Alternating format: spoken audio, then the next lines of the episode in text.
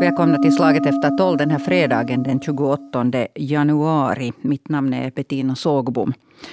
Ehm, allt flera finländare väger för mycket och om befolkningen fortsätter att gå upp i vikt eh, i samma takt som hittills så kommer de fetmarelaterade sjukdomarna att öka kraftigt under de närmaste åren. Eh, det här konstaterar Institutet för hälsa och välfärd, THL. Och så har de publicerat en sån här ny karttjänst som man kan studera. Och, och där har man då eh, gjort prognoser helt enkelt, så att man kan eh, klicka på olika områden och se att, att hur mycket fetmarelaterade sjukdomar på, på just ett specifikt område är att vänta om den här utvecklingen fortsätter. Så idag så ska vi diskutera här eh, ett av de här allra största hälsohoten, det vill säga eh, fetma här i Slag efter tolv. Och med mig här så har jag eh, Mikael Fogelholm som är professor i näringslära. Välkommen. Hej, hej, tack. Och så har jag Johan Fagerud här som är diabetesläkare. Och du är, du är specialiserad också på att sköta om eh, och hjälpa folk som har, lider av övervikt. Det stämmer. Ja, det där, jag vill allra först bara ha en specifikation eller en definition, ska vi säga så, på det. Att vad är, om vi säger fetma, vad, vad menar vi med att någon lider av fetma? Mikael Fogelholm. Um, ja, så uh, kort sagt så en människa är fet om han eller hon har så mycket fett i kroppen att det uh, leder till sjukdomar. Det, mm. det skulle jag säga så där kort, utan några siffror. Okej, okay, men vad säger du då, Johan Fagerud? Eh, vi har ju förstås eh, kroppsindex, body mass index, som vi använder för BMI. att definiera BMI. Eh, men att kanske man alltmera tänker nu för tiden på det att fetma i den här övervikten gör att du får hälsoproblem av det. Mm. Det kan vara frågan om att du utvecklar en diabetes, eller du får sömnapné, eller du får problem med dina bärande leder. Mm. No, ni har båda tittat på den där THLs eh, karttjänst och, och de här prognoserna. Där. Hur ser de ut för, eh, för er, era ögon? Vad säger du, Mikael mm. Fogelholm? Som så är det ju ingenting nytt. Mm. Att det här är ju sånt som vi har börjat tala om sedan 1980-talet. För att, för att då började liksom finnarna klart bli, bli fetare än vad de hade varit tidigare och, och sakta och saligt ständigt har det gått uppåt.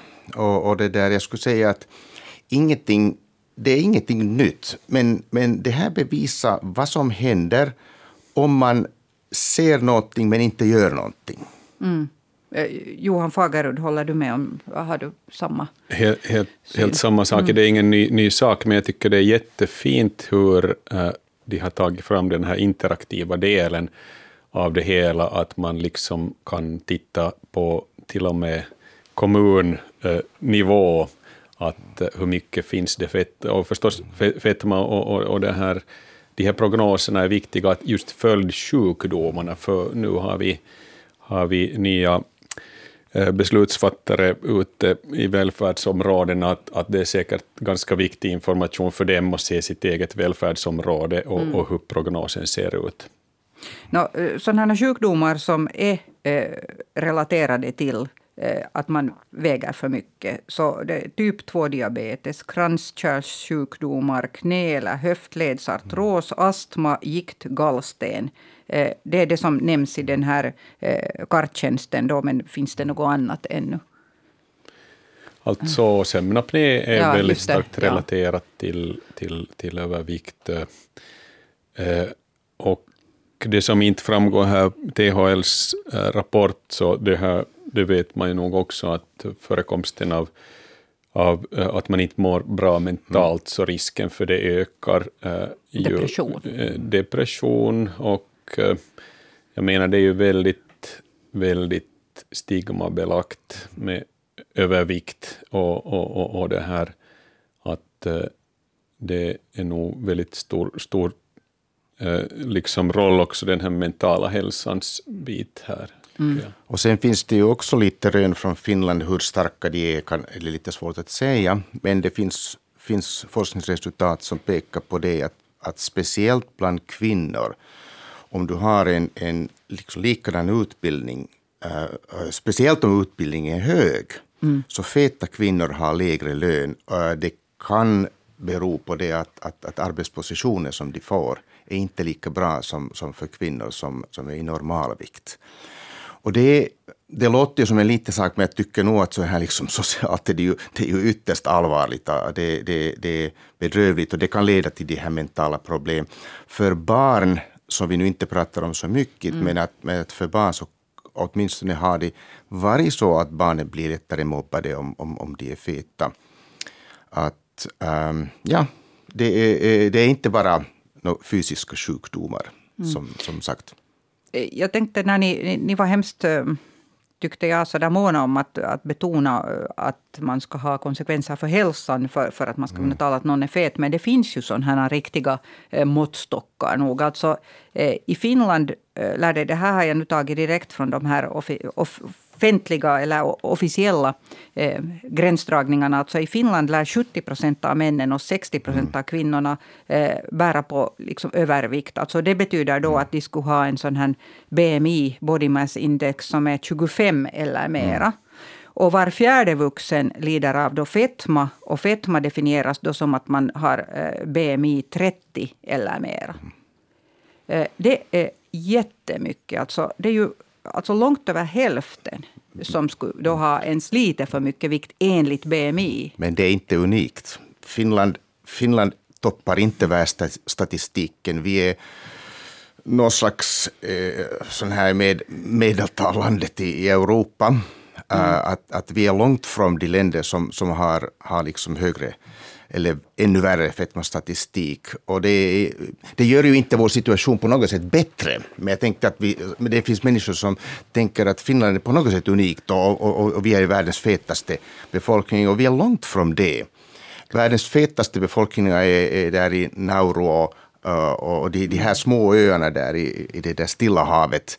USA, och sen länder som Kuwait och, och, och Saudiarabien och, och så bortåt. Och sen är det intressant att veta att, att, att fetma ökar ju ganska snabbt också till exempel i Afrika. Mm. Jag var just i Kenya i fyra månader och, och det där bland kvinnor, till exempel i, i norra delar av Nairobi, som är en stor fyra miljoner människor. Och, och vi, vi forskar kvinnor som, som inte var från liksom den högsta sociala klassen, utan medel och låg, lågklassen. Så, så övervikt um, närmar sig finska finska siffror, det var en 50-60 procent, som är ganska intressant. Att vi, det här är ingen unik situation i Finland, mm. men som jag sa, inte gör det, det dess bättre.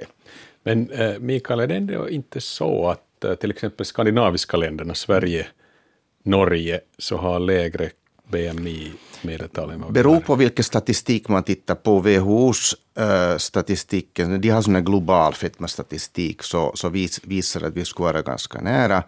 Problemet med sån här nationell statistik att det beror lite på Eh, den där gruppen som används för att liksom bevisa nationell statistik. Att, att redan det att man ändrar lite med de där åldersgränserna, om man startar från 20 eller 25 eller från 15 eller 25, så får man, så får man liksom varierande siffror. Om man slutar vid 65 eller 75 eller 85 så får man, så får man mm. också olika siffror. Så att det är på det sättet lite svårt att, att det där, äh, jämföra olika länder. Jag skulle sådär säga att, att vi ligger ungefär i samma rad som, som stora delen av, av Europa.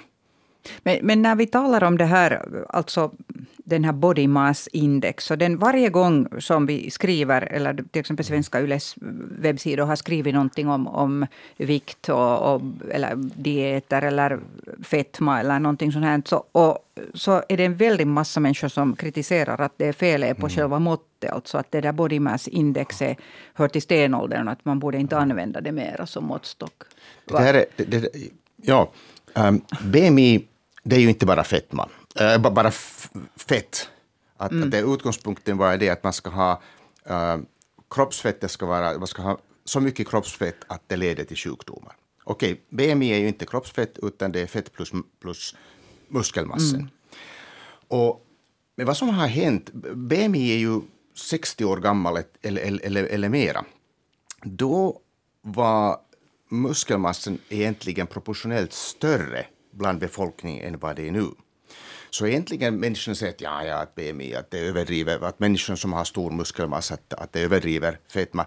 Men egentligen är det tvärtom.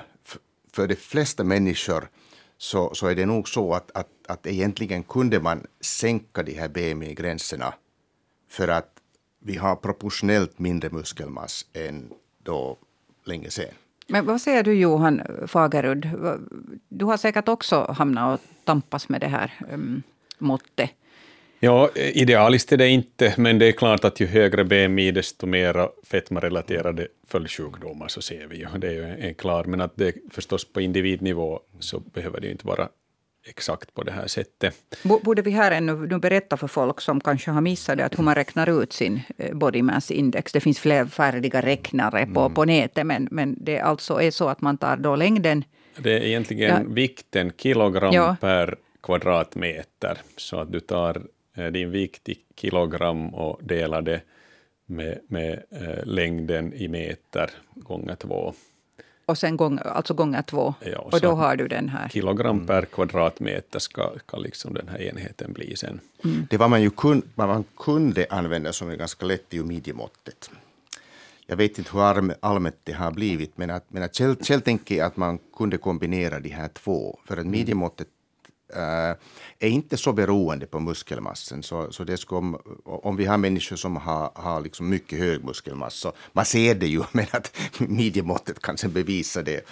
Mm. Uh, det, och midjemåttet har ju ganska stark länk med, med de här kroniska sjukdomarna. Mm. Till och med starkare än BMI.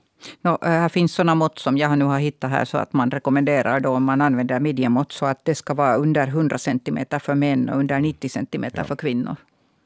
Så en sådan måttstock. Jag, jag, måste berätta att jag satt med min son och diskuterade igår som, som tränar varje dag mm. och, och tränar hårt. Och det där, han eh, sa att han var lite kritisk mot det här BMI, för han är ju idel muskel hela killen. Och när vi räknar ut BMI för honom så blir han precis på gränsen till att han skulle lida övervikt. Jag kan visa fotografier av om ni tror men, mig, men att där finns inget fett på den killen de flesta finnarna, de flesta finnarna har ett problem som är inte det där, utan ja. det, det, det, är helt, helt, helt ett annat problem. Men om vi nu skulle titta på det här med, med eh, fetma överhuvudtaget, så här att om det ändå vi utgår ifrån att, att äh, även om man skulle vara kritisk mot det här body mass index, att räkna med det, så är det ändå ett faktum att en väldigt stor del bär på för mycket kilon. Äh, hur gör du Johan äh, Fagerud när du träffar en, en patient då som kommer. Säg, säg att den här patienten kommer in och, och, det där inte själv nämner sin vikt. Vad gör du? Det är kanske lite speciellt med min mottagning i och med mm. att jag sköter nästan bara diabetespatienter och mm. patienter med övervikt, så de kan ganska ofta de facto komma till min mottagning för att de har Därför. identifierat det här problemet redan och de vill ha hjälp med det. Att, äh, men, men, hur gör du då? Äh, jag upplever själv att Eh, Eh, en väldigt sån här öppen diskussion och jag tycker igen att att använda en siffra som är BMI så gör det helt väldigt neutralt, för kan, man kan liksom eh, säga utan att på basen av, av det här ditt, ditt eh, BMI så har du övervikt, så det är på något sätt tycker jag en väldigt bra öppning för den där diskussionen. Och jag, jag tycker kanske att vanlig, det, det är en finkänslig diskussion eh, och, och man måste liksom närma sig patienten på dess eget sätt eh, liksom, eh, och öppna diskussionen rätt. Men de flesta patienter uppskattar en öppen diskussion för de har en klar bild själva av problemet innan de kommer till mig. Vad tror ni båda om, om då läkare i allmänhet? Jag menar, nu, du betonar du att du har just sådana patienter. Men, men du kanske går till läkaren för något helt annat, har ont i öronen eller öga eller har brutit fingret eller någonting. Ska läkaren ta upp det här med, med vikt då, om, om, om han eller hon ser att, att här finns ett sådant problem också? Jag, jag, tycker man ska ta upp det om det har en betydelse för den här sjukdomen som den har kommit för. Att liksom om det på något sätt kan, kan relateras. Uh, men eh, det som jag tror att vi nog kan bli mycket bättre på att äh, vara supportiva i vårt sätt att närma oss det här problemet. Att jag tänker nog att fortfarande, trots all forskarna har försett oss med en massa liksom, äh, kunskap om en neuroendokrin sjukdom som fetma är de mm. facto. Mm. Och, och, och liksom fortfarande så upplever jag att det är nog väldigt för, um, förenklade lösningar på ett jättesvårt problem, att du ska bara äta sen mindre och röra på dig mera, så går du ner i vikt. Mm. I och för sig är det ju sant. Det är helt sant, men det är inte så lätt. Och det att du på något sätt förenklar det här problemet, när vi inte ens i forsknings... Uh, uh, liksom sådana här uh, program har kunnat effektivt minska så väldigt mycket de här människornas övervikt, så det att man skjuter hela skulden på sätt och vis mm. på patienten, och du är överviktig, du ska gå ner i vikt, så blir allt bra. Punkt. Mm. Så det är ett ganska dålig, dåligt sätt att ta sig an det här problemet. Håller du med om det, Mikael Fogelholm? absolut. Det är ju, det är ju så att, att det, där, det är många som tänker att, ja, att, att människan är alltid, alltid skyldig för, för den här situationen. Och det är ju, det är ju människan som väljer om, om han eller hon promenerar eller, eller vad, vad han eller hon eh, väljer i butiken. Men att, men att nu är det ju, nu för tiden tänker man att, att, att sån här tankegång så leder till det att, att bara, de, bara en, en liten bråkdel av människor som har problem med sin vikt så på något sätt reagerar och den de största delen ingenting händer. För, för omgivningen, miljön eller vad man vill kalla det, så, så har, har förändrats så mycket. Och, och det där, um, om man tänker på mat till exempel, vad människorna äter, så det, det, det stora förändringen som har skett egentligen är inte, inte egentligen äh, kvalitativt, utan det är kvantitativt på, på det sättet att, att om man tänker att vad människorna, varifrån människorna köpte och på vilket sätt de köpte mat, på 1980-talet. Och nu om man tänker på alla supermarketer vart, vart människorna går en gång per vecka och de far dit med bil och de har stora köpkärror där så de promenerar och de fyller hela kärran med, med all mat som, som det där. Och man använder all marknadsföring nu för tiden som man kan bara använda för att få människor att köpa mera och mera och mera. Så man ju gör med allting annat också. Men för mat är det ju problematiskt. Man kan ha fast hundra t-skjortor hemma och det är inte så stort problem kanske för miljön. Mm. Men att om man köper för mycket mat hem så, så, så sen brukar man äta det. Och vi har ju stora kylskåp. Det skulle vara intressant att se hur mycket större är våra kylskåp nu än de var på 1980-talet. Vi har mycket mera mat hemma. Vi köper större mängder mat för att vi har färre gånger som vi går till, till butiken. Och det här är en viktig sak som har lett till, och sen har ju eh, det där förpackningsstorlekarna förökats också, det är, det är en annan sak. Och det här, när, när de här två går tillsammans så, så det där har vi en omgivning där det är så lätt att äta för mycket om man inte har en mycket stark motivation att kontrollera. Och för de flesta människorna, hälsa är ju inte motivationen nummer ett när man tänker på mat, utan människorna tycker om vissa maträtter, att, att de äter god mat, det är mycket, mycket eh, liksom större motivation. Det kan vara priset som, som är motivation, det kan vara det att jag vill spara tid, jag köper sånt som är lätt att laga och så bortåt. Hälsa kommer där som nummer sex eller sju som motivation. Så, och det här leder till, människorna är inte dumma. Det är inte mm. frågan om det. Och jag tror att människorna vet mycket mer om fetma än vad de gjorde på 80-talet. Men, men är vi inte också, du sa att man köper mycket mera mat och det tror jag, håller med, mm. och det här med kylskåpsstorlek har jag mm. reagerat på. Jag vet, för jag har mm. själv ett ganska, väldigt litet, mm. normalt, så ett gammaldags, litet, det är inte gammalt, men ett litet mm. kylskåp. Det rymdes inte större, vi har ett gammalt hus. Och, och det där, eh, jag märker att det har stört mig ibland det där att när det är någon speciell längre helg eller någonting, mm. att det är lite trångt. Men det är också bra, det blir inte en massa svinn. Mm. Och, och, det där, vi har en utmärkt förresten artikel just nu på Svenska Yle som Jasmin Urveder har gjort. Och där finns en massa uh, prat om att äta klimatsmart. Mm. Och där nämns också det här med, med svinnet. Mm. Jag läste den artikeln ja. igår. Jag tyckte det var en enormt fin mm. artikel. Just att vi köper en massa och så kastar vi också bort mm. en massa mat. Alltså mm. Endera kastar vi bort, ja. kastar vi mm. bort den eller sen äter vi för mycket för att vi inte vill kasta bort. Vad, vad tänker du Johan Fagerud när du pratar med dina patienter?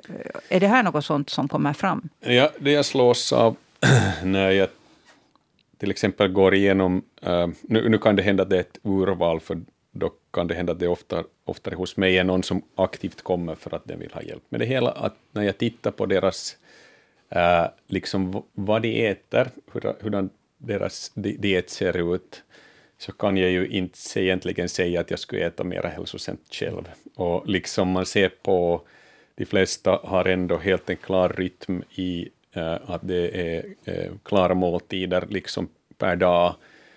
Att äh, det är väl nog sen det, det, den här tallrikstänkande med indelning hur mycket ska vara grönsaker, protein och, och det här kolhydrater så fungerar bra, men grundproblemet är säkert att de flesta äter för mycket. Att det är nog helt inne på samma linje här. Att, att det är ju en sån här samhällelig grej.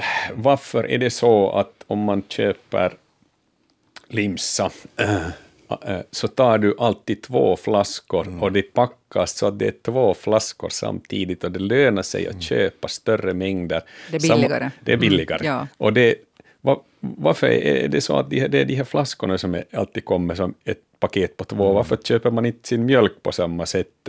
Varför är det så att stora chipspåsar så äh, kostar betydligt obetydligt mera än en liten chipspåse. Att det borde ju vara en lineär, ett linjärt förhållande så att det inte lönar sig att ta den här stora. Så att det där är nog sånt som säkert uh, skulle kräva en... Jag tror de facto, jag har sett någon undersökning att Finländ, finländarna är ganska mottagliga skulle vara för att det skulle göras förändringar, till exempel marknadsföring av mat och allt sånt här. Jag noterar här faktiskt att THL i samband med att de har lanserat den här sin karttjänst, där man då kan, så de, de, säger, de efterlyser också alltså att det finns eh, hälsobaserad beskattning är den ena och den andra är mm. begränsning av marknadsföringen av ohälsosamma livsmedel. Mm. Det är två sådana här konkreta. Mm. Sen har jag själv reagerat på en sån sak att om man åker någonstans söderut i medelhavsländer och sånt, så stående bord ser man ju ingenstans. Men att vi älskar ju såna här i Norden och vart som helst du ens går och äter lunch eller någonting på de flesta ställena så är det sånt här att du får äta så mycket du vill och här är stående bord. Och, och det är inte det att du skulle längre få en tallrik levererad till ditt bord. Men, man, men, men Finland är ju inget, inget, service, inget servicesamhälle. Vi är en self-service society som, som mina vänner från Afrika inte förstår alls för att service är ju så hemskt, hemskt billigt där. Mm. Men det är intressant vad du säger um, och det är både bra och dåligt på det sättet att man tänker på lunchrestauranger.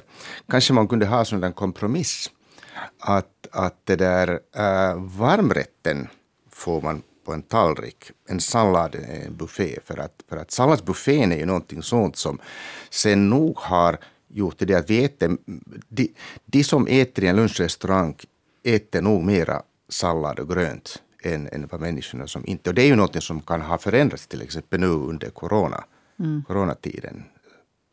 Men vad tänker ni om, om sen ser man mycket när det blir, går hemskt mycket känslor i sån här diskussion om vikt överhuvudtaget. Mm. Och, och det märker man att, att det kommer så kommentarer under artiklar också att no, det är nog bara att ta sig i nackskarven och det är nog bara att skärpa sig. Att, att, att det där inte är någon annan som kommer och häller den där maten i dig. Att, att det där att, att ät bara lite mindre.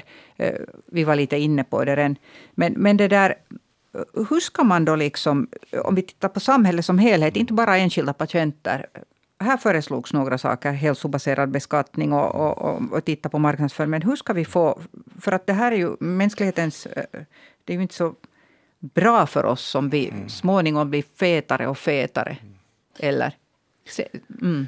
Det är ett jättestort problem. Jag tycker själv att uh, det som är en väldigt Eh, skrämmande del av det hela är liksom dess följder på tudelning av samhället, att vi har lägre socialklasser där de här problemen är massivt mycket större än sen högre socialklasser. Så att det på sätt och vis blir ännu en faktor som delar upp. Men vad beror det på? Att det, är så? det är nog så att, att de med längre utbildning, eh, tror det gäller också inkomstnivå, ju, ju bättre du har det, i, så desto mindre sannolikhet är att du får problem med övervikt. Att du bara vet, du kan mera. Ja. Det har inte med kostnaden på maten att Säkert har det att göra med kostnaden på maten också, och, och, och, där är ju nog säkert sånt som man skulle kunna på något sätt på ett samhälleligt, liksom, en samhällelig nivå fundera på, att hur kan man göra nyttig mat, sånt som inte gör människor så lätt feta, liksom mera tillgängliga och mera attraktiva att köpa när du är i butiken. Priset har en stor betydelse. Men, men det som är intressant, eller jag, jag skulle nog vilja, vilja påstå att det där, äh, att det är, det är att hur, hur man tolkar de här, eller hur man ser sin hälsa och hur motivation, hur, hur motivation man har, att det är ännu viktigare än matpriset. För vi vet att människor från lägre socialekonomiska klasser, så de köper mera ohälsosamma produkter fast de skulle vara dyrare än något hälsosammare produkter. Så att, så att det, det är en svår fråga. Men det här med, med en hälsobeskattning så måste jag säga att politikerna tycker hemskt mycket om att diskutera det här och de har pratat om, om det här sockerbeskattning eller alltså läskbeskattning. Mm. Men nu måste jag säga att om man beskattar mat så måste det vara nog mer heltäckande än, än det att man bara bes, beskattar liksom läsk kommer inte att, att liksom, det kommer inte att, att avgöra det här. Mm. Att man, man, man ska ha en större diskussion. Och, och ju mer man beskattar desto svårare som en politisk fråga blir det här. Och då är det svårt att, att hitta lösningar, för att sen kommer ju livsmedelsindustrin och säger att hej, hej, att om ni beskattar så, så, så det där, uh, det är arbetsplatser som, som går och, och det där arbetslösheten går upp. Och sen börjar politiker liksom fundera på den här balansen, att, att vad är det, är det närtidens arbetsplatser eller är det framtidens hälso? Mm. hälsa. Så att, att äh, det är en svår fråga. Man behöver ganska stränga politiska åtgärder för att kunna lösa det här problemet. Men att ju strängare åtgärder man behöver, desto svårare kommer det att vara. No, hur, hur är det med, nu för tiden så nu betonar man klimat väldigt mycket mm. i allting. Och just den här artikeln som jag nämnde här tidigare, där, där ta, det är en lång artikel om att, att hur man äter eh, klimatsmart. För att det är ett faktum att, att vår matproduktion på det här jordklotet är det som har en jättestor betydelse för mm. att eh, klimatets eh, tillstånd och hela planetens fortlevnad. Och det där kan det här, eh, alltså är det samma sak att äta klimatsmart, är det samtidigt hälsosamt? Absolut. Och om jag tänker på fetma, så man kan ju, så från klimatsynpunkt så kan man förbättra kosten från två olika synpunkter. Först, först och främst kan man liksom lämna kött bort eller minska köttkonsumtionen och, och äta mer, mer sådär vegetariskt. Mm. Inte vegant, men ett vegetariskt. Och det är ju bra för hälsan och det förebygger fetma. Men sen kan man bara äta mindre. För ju mera vi äter, desto, mera, äh, desto större kommer våra, våra miljöimpakter att vara. Och det, det här är egentligen ganska skönt, inte sant? Att det mm. finns en gemensam medicin för båda sakerna. Att du kan liksom både äh, göra gott för, för, för, din, för det här klimatet och för din egen hälsa med, med rätt liksom beslut vad du, vad du sätter på din tallrik. Jag minns att jag för massor med år sedan så såg jag en amerikansk dokumentärserie om, om folk som hade eh, med olika metoder ville eh, uppnå långt liv, alltså leva länge. Och det där, då var det olika forskare som intervjuades, som människor i olika länder och allt möjligt sånt här. Men eh, det som de kom fram till att det var det enda som man alla forskare kunde enas om, så det var det att ett minskat kaloriintag, alltså inte svält, det är inte utan ett minskat kaloriintag leder till längre liv. Att man, stämmer det här? Eller det här var faktiskt länge sedan jag såg det här. Men stämmer det här? Jag tycker inte att beviset mm. för människan är så hemskt starkt. Man, har, man, man, man, man pratar har, om möss där också. Jo, man har bevisat ja. det här med möss. Men om man tänker på människor så tycker jag att det finns nog saker som variabler som, som man, man inte kan så mycket kontrollera. För att vet också att människorna som, människor som är högt fysiskt aktiva Mm. Så de lever länge. Och, de har ju inte minskat energiförbruk utan de har höjt energiförbruk och också troligen lite höjd energikonsumtion. Men inte, inte konsumtion som är högre än förbruket. Så jag tror att vi kommer tillbaka till den här energibalansen. Mm. Vad, vad, tror du Johan Fagerud? Så, så där är, det, är det nog säkert att uh, att, men inte vet jag, no, ibland funderar jag på lite det att vår, vårt matintag är väldigt annorlunda nu för tiden. Vi får med så jämna mellanrum mat att uh, jag, jag, tror väl inte att det finns riktigt heller några vetenskapliga belägg för att, de här, att man håller såna här fast, fast timmar i dygnet eller dagar i veckan, att de skulle vara bättre, men på något sätt så känns det ju som så att, att tidigare, och det naturliga är att det lite varierar det här, att hur mycket mat som finns tillgängligt. Mm. Jag tror inte att det är farligt att ibland ha dagar när du fast eh, längre tider utan, utan mat. Mm.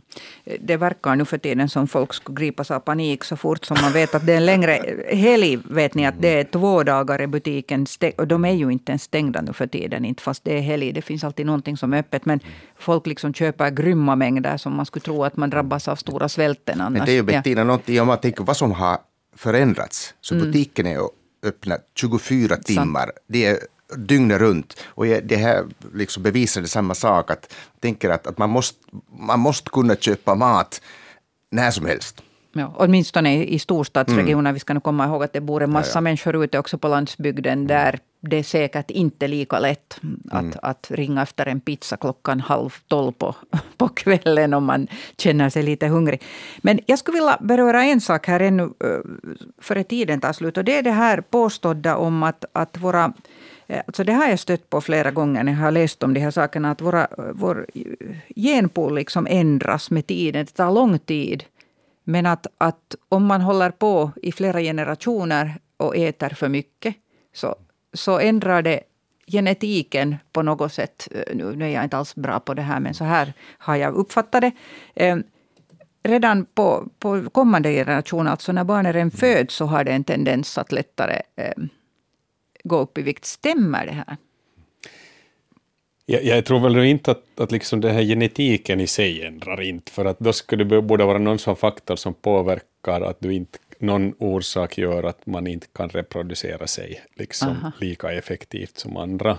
Eh, säkert finns det nog några uh, mer sofistikerade tolkningar av det hela, men det är klart att uh, man ärver ju inte bara sina gener, man ärver också sin omgivning och Och det här, eh, så att, att liksom det att äh, vikten ökar för en generation har säkert följder på följande generations hälsa.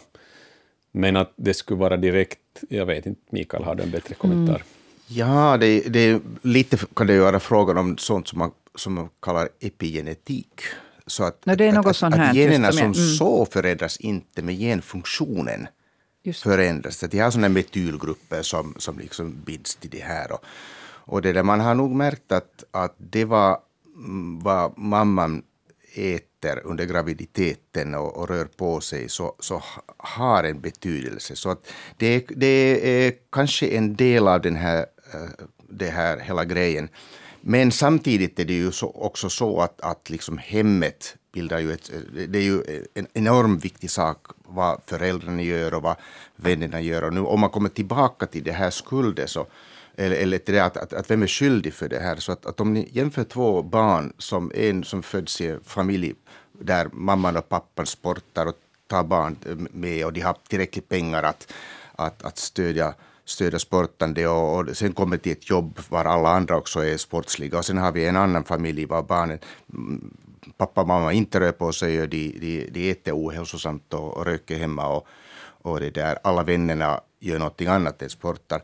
Så den här omgivningen, sociala omgivningen redan kan vara så enormt äh, annorlunda i, om man jämför de här två barnen. Jag tycker att det ganska, skulle vara ganska hårt att säga det där, det där barnet som, som lever i omgivningen som inte är så bra, att, att, att, jo, att det är hans fel att han inte gör det här. Mm, mm. Men avslutningsvis skulle jag ha en fråga åt er båda. Alltså, om nu, jag tar för dig Johan Fagerud på individplanet. Alltså, om någon nu lyssnar som själv vet det här att okej, okay, att jag, jag är den där som har body mass index alldeles för högt och, och jag vet när jag ser mig i spegeln. Så att, hur, hur ska man ta itu med det här? Liksom, vad, vad är det första steget? Kan du ens svara på det här kort? Jag vet inte.